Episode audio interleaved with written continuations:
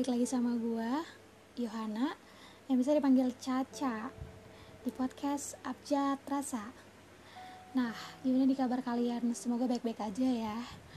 Nggak terasa ya bulan Juni tuh kayaknya cepet banget hari berjalan. Nanti bentar lagi udah bulan Juli, Agustus, September, Oktober, November, tiba-tiba udah Desember, udah tahun baru lagi. Kira-kira wish kalian apa nih di bulan Juni ini? Dimulai dari gue dulu ya kalau gue sih semoga bisa yang pasti sehat selalu ya. Untuk gue dan keluarga gue dan cepat dapat kerja pastinya. Karena FYI gue belum kerja sampai saat ini. Ya makanya gue uh, mengisi kesibukan gue untuk apply locker atau buat-buat konten supaya biar lebih produktif lagi.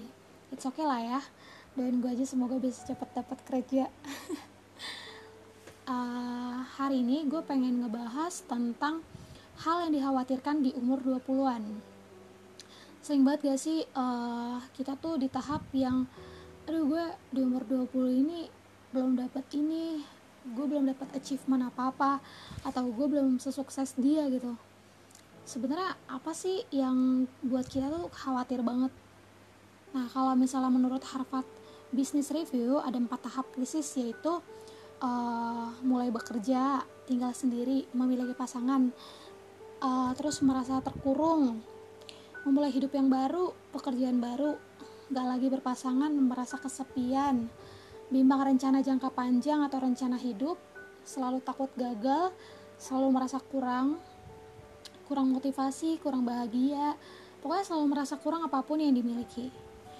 Uh, menurut gue ya, emang sih kita manusiawi sering banget kita tuh mikirin ih gue nggak sesukses dia. Ih kok gue nggak bisa kayak dia ya? Ih gue kapan sih kayak dia? Gitu. Kayak kita tuh menunggu-nunggu waktunya gitu. Kapan ya timingnya gue gitu.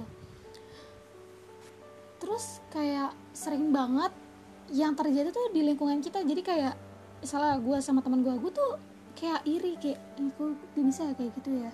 Kok gue nggak bisa? Padahal kita tuh sama-sama main. Ternyata dia tuh mainnya dia dia juga ada belajarnya juga paham nggak? Jadi kadang gue ngerasa orang lain tuh kelihatannya main santai kayak enjoy for life. Ternyata tiba-tiba dia sukses duluan weh. Gue tuh kayak kok bisa? gitu kan.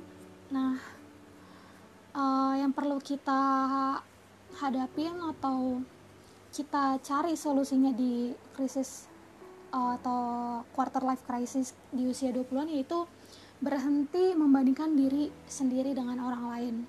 Karena apa ya buat apa juga gitu kayak kita bandingin kalau misalnya bandinginnya jadi hal yang positif nggak apa-apa ya. Misalnya kayak eh uh, dia lebih sukses ya gue harus kayak dia gue harus kayak dia. Nah jadi kita cari solusinya gitu gimana caranya biar uh, jalannya kita tuh sama kayak maksudnya nggak sepenuhnya jalannya kayak dia tapi rutinitasnya kita tiru hal-hal apa sih yang bisa uh, suksesnya tuh kayak dia gitu. At least nggak usah kayak mirip kayak dia gitu. Tapi jadi versi terbaik kita gitu loh anjay. Ya jadi kayak stop lah uh, bandingin diri sendiri sama orang lain.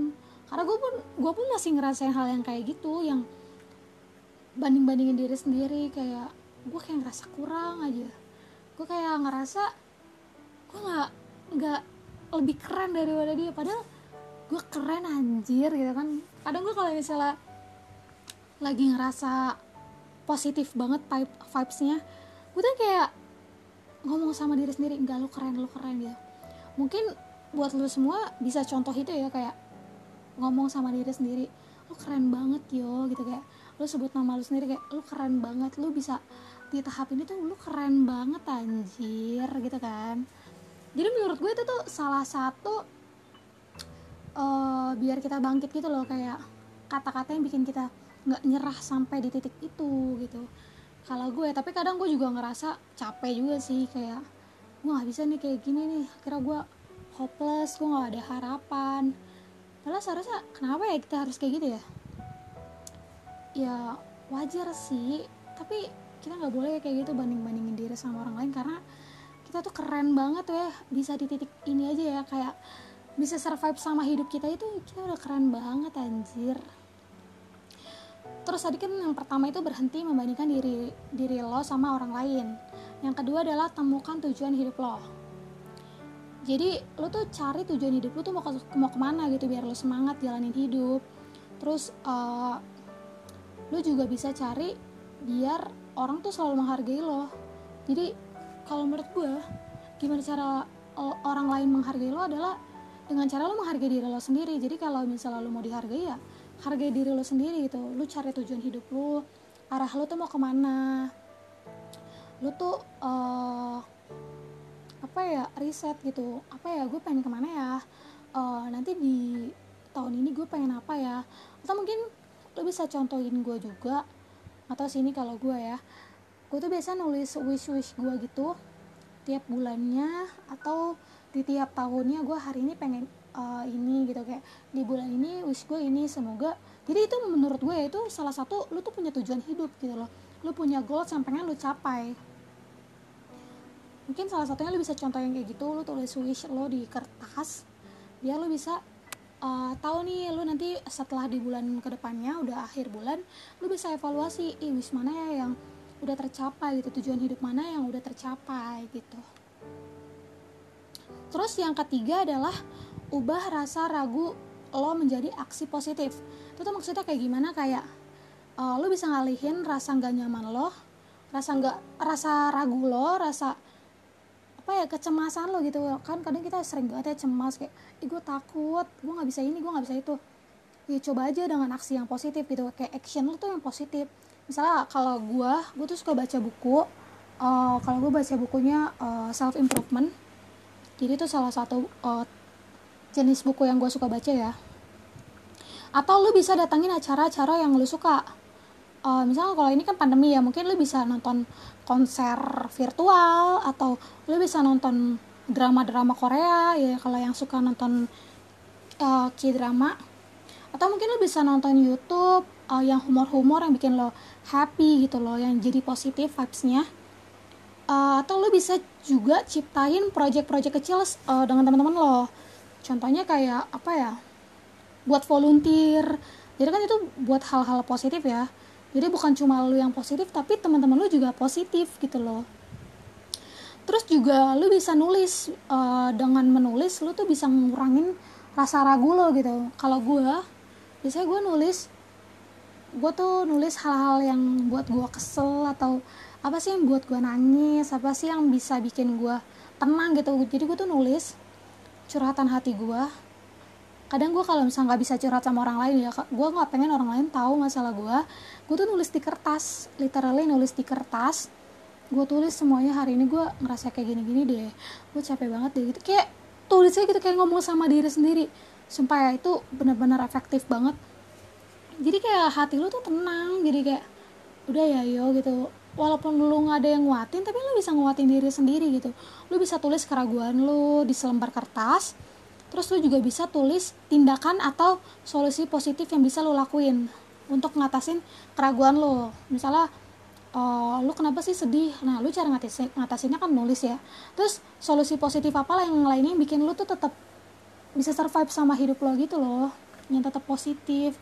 Atau lu bisa juga nulis hal-hal yang bisa bikin lo kuat gitu atau mungkin lo bisa doa sama Tuhan lo dengerin lagu rohani juga boleh.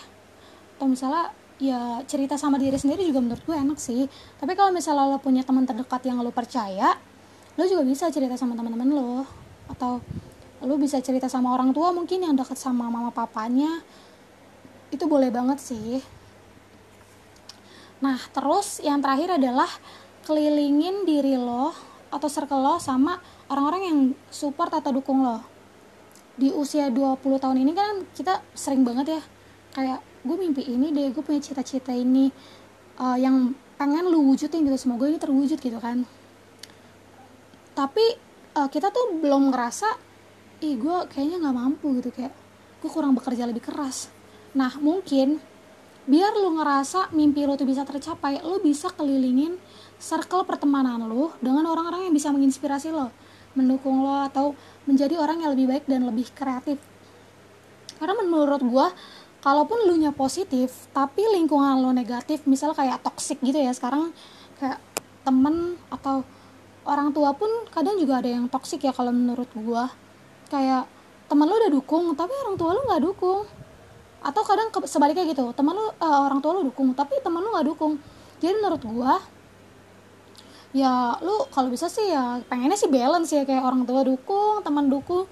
Ya semoga sih dua-duanya selalu dukung gitu kayak teman-teman lo gitu selalu ngasih inspirasi. Atau mungkin kalau lu nggak bisa dapat teman-teman yang dukung lu lu bisa jauhin aja kali ya teman-teman yang kayak gitu sumpah. Kayaknya nggak ada faedahnya jadi menurut gua cari teman-teman yang iya bawanya positif yang bisa membangun gitu loh. Yang bisa buat lu berkembang. Karena buat apa juga lu di umur 20 tahunan pasti kan udah banyak hal-hal yang perlu lu apa ya lu sortir gitu loh. Pertemanan yang mana yang berguna buat lo di masa depan mana yang enggak bisa buat lo membangun di masa eh, masa-masa sekarang gitu kan. Apalagi kalau misalnya teman yang suka julid atau temen yang kayak ngerendahin kita kayak kita tuh nggak cukup eh, nggak uh, cukup keren gitu. Kalau misalkan kadang ada teman yang gila lu keren banget ya tapi dia muji nih tapi dia ngerendahin juga. Tapi lo harusnya kayak gini-gini deh. Itu sebenarnya kita juga bisa koreksi sih ke dia maksudnya bilangin dia gitu lu bisa gak sih lu kalau muji nggak usah pakai tapi gitu kan. Itu sih yang bisa gue pelajarin dari hal-hal yang di quarter life crisis sekarang. Jadi conclusionnya lo jangan bandingin diri lo sendiri. Terus temuin tujuan hidup lo. Lo mau ke mana arahnya di umur 20 tahun sekarang? Uh, terus juga ubah rasa ragu lo jadi rasa aksi yang positif. Terus yang terakhir adalah kelilingin diri lo sama orang-orang yang bisa dukung lo. Uh, mungkin itu aja kali ya yang bisa gue sampaikan sekarang karena ini udah lumayan lama juga. Jadi tetap semangat buat teman-teman semua yang udah mendengarkan. Makasih banget. Buat semuanya kita tetap semangat sih. Semoga selalu diberi kesehatan sama Tuhan. Uh, semoga gue bisa selalu share-share hal-hal positif lainnya atau mungkin uh, lo semua bisa apa ya ngasih ide kali ya hal-hal apa aja yang pengen gue bahas di podcast Abjad Rasa ini. Oke semuanya, makasih udah mendengarkan. Karena di sini malam, jadi gue ucapkan selamat malam. Bye bye.